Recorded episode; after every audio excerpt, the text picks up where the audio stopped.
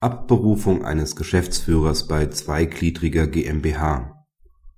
Bei der zweigliedrigen GmbH sind strenge Anforderungen an die Abberufung eines Gesellschafter-Geschäftsführers zu stellen, um zu verhindern, dass der eine Gesellschafter die Tätigkeit des anderen beliebig beenden kann.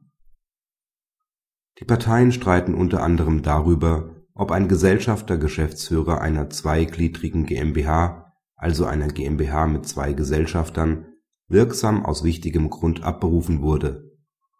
Im Ausgangspunkt geht das OLG Karlsruhe davon aus, dass ein wichtiger Grund für die Abberufung eines Geschäftsführers jeder Umstand ist, der ein Verbleiben des Abzuberufenden in seiner Organstellung für die Gesellschaft unzumutbar macht. Dabei sind die gesamten Umstände des Einzelfalls unter Berücksichtigung der Interessen der Beteiligten zu würdigen bei der Interessenabwägung sind dabei insbesondere die Schwere der Verfehlung, deren Folgen für die Gesellschaft, die Größe der Wiederholungsgefahr pflichtwidrigen Verhaltens, die Dauer der Tätigkeit für die Gesellschaft und besondere Verdienste des Geschäftsführers um das Unternehmen zu berücksichtigen. Ein Verschulden des Geschäftsführers ist hingegen ebenso wenig erforderlich wie ein der Gesellschaft entstandener Schaden bei der zweigliedrigen GmbH sind strenge Anforderungen an die Abberufung eines Gesellschafter-Geschäftsführers zu richten, um zu verhindern, dass der eine Gesellschafter die Tätigkeit des anderen beliebig beenden kann. Ein bloßer Vertrauensverlust in die Zweckmäßigkeit der Geschäftsführung kann daher für die Abberufung nicht ausreichen.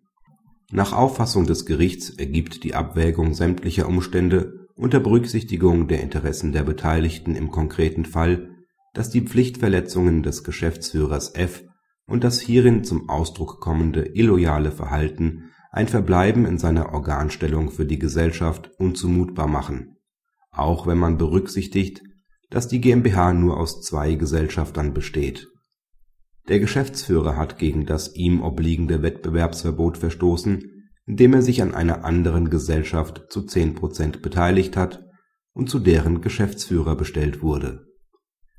als Organ der GmbH unterlag der Geschäftsführer während der Dauer seines Amtes auch ohne dahingehende Vereinbarung oder Satzungsregelung einem Wettbewerbsverbot.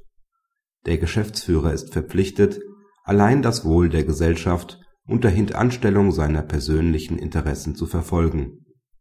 Deshalb besteht das Wettbewerbsverbot des Geschäftsführers unabhängig davon, ob durch die Wettbewerbstätigkeit die Gesellschaft im Einzelfall geschädigt wird oder ob die Gesellschaft selbst die fraglichen Geschäfte betreiben konnte. Praxishinweis Während der Verstoß gegen das Wettbewerbsverbot durch den Geschäftsführer nach Auffassung des OLG einen wichtigen Grund für dessen Abberufung darstellt, trägt er nicht auch dessen Ausschluss aus der Gesellschaft. Nach allgemeiner Auffassung kommt die Ausschließung eines Gesellschafters nur als äußerstes Mittel in Betracht wenn keine weniger einschneidenden Möglichkeiten zur Beseitigung des Missstands bestehen. Genügt wie hier allein die Abberufung des Geschäftsführers als weniger einschneidende Maßnahme, um die Störung des Gesellschaftsverhältnisses dauerhaft zu beseitigen, kommt ein Ausschluss nicht in Betracht